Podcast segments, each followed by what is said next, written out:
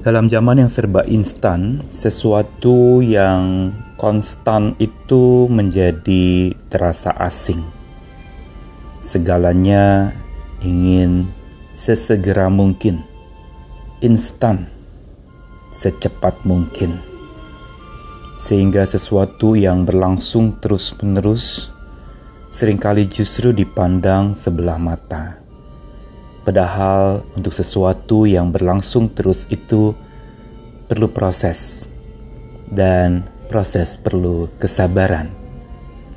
Saya Nikolas Kurniawan menyapa kita hari ini dalam sabdanya menyapa kita lagi dari Yakobus pasal yang kelima ayat 7 sampai 11. Karena itu saudara-saudara bersabarlah sampai kepada kedatangan Tuhan Sesungguhnya petani menantikan hasil yang berharga dari tanahnya, dan ia sabar sampai telah turun hujan musim gugur dan hujan musim semi.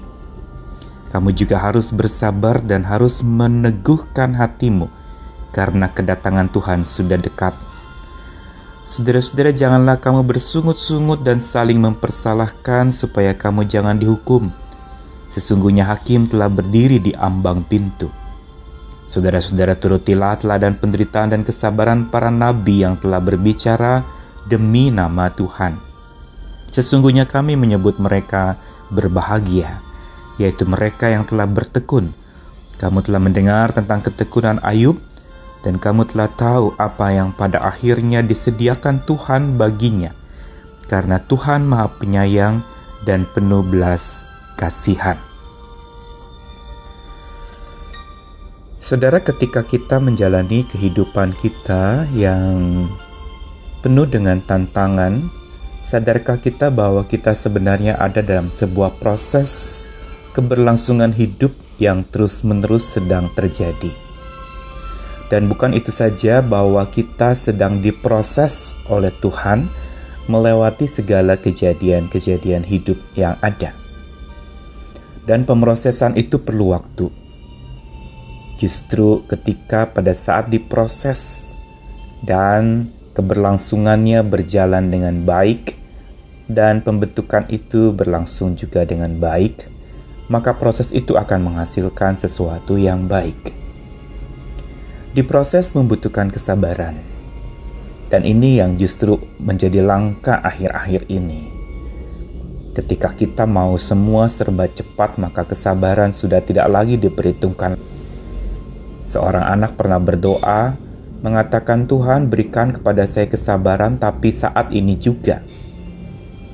Ungkapan yang justru tampaknya menggelikan karena seorang yang memang sangat tidak sabar berdoa minta kesabaran untuk cepat segera diberikan.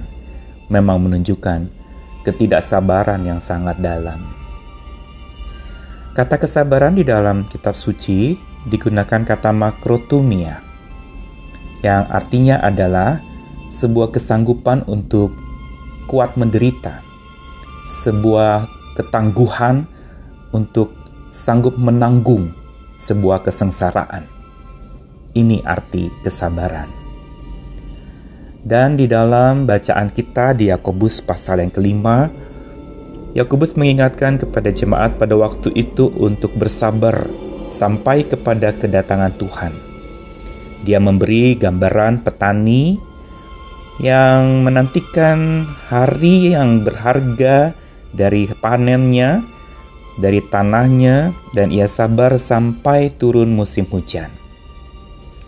Begitu pula dia beri gambaran tentang Ayub yang begitu bersabar dalam kesengsaraannya, kuat menanggung derita, sampai akhirnya Tuhan menyediakan baginya justru satu kebahagiaan karena Tuhan menyayangi dan penuh belas kasihan atasnya.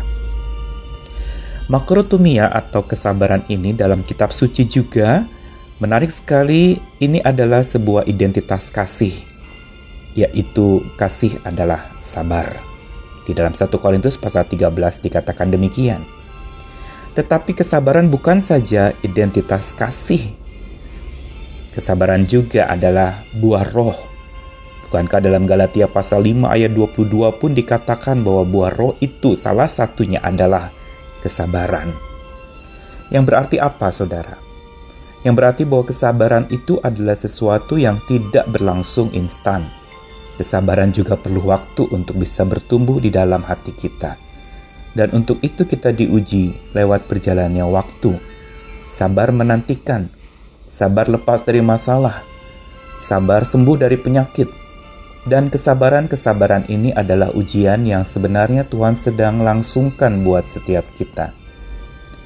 Bila kesabaran itu adalah buah roh dan identitas kasih, maka berarti sabaran itu baru bisa terjadi kalau kita mau dipimpin oleh roh. Kesabaran itu justru terjadi karena dua hal, yaitu sadar adanya Tuhan. Sadar bahwa ada Tuhan yang mengawasi itu yang membuat kita sabar. Dan bukan saja sadar ada Tuhan, tapi juga sandar kepada Tuhan. Yang berarti memang hanya berkuatkan kasihnya yang melampaui segala ketakutan, bernafaskan semangatnya yang membuat kita bisa tetap sabar, kita baru bisa mendapatkan kesabaran itu. Inilah kunci kesabaran, yaitu sadar ada Tuhan dan sandar pada Tuhan. Mari kita belajar sabar lagi bukan dengan kekuatan kita karena memang tidak mungkin kita sabar dengan diri kita sendiri atau dari diri kita sendiri.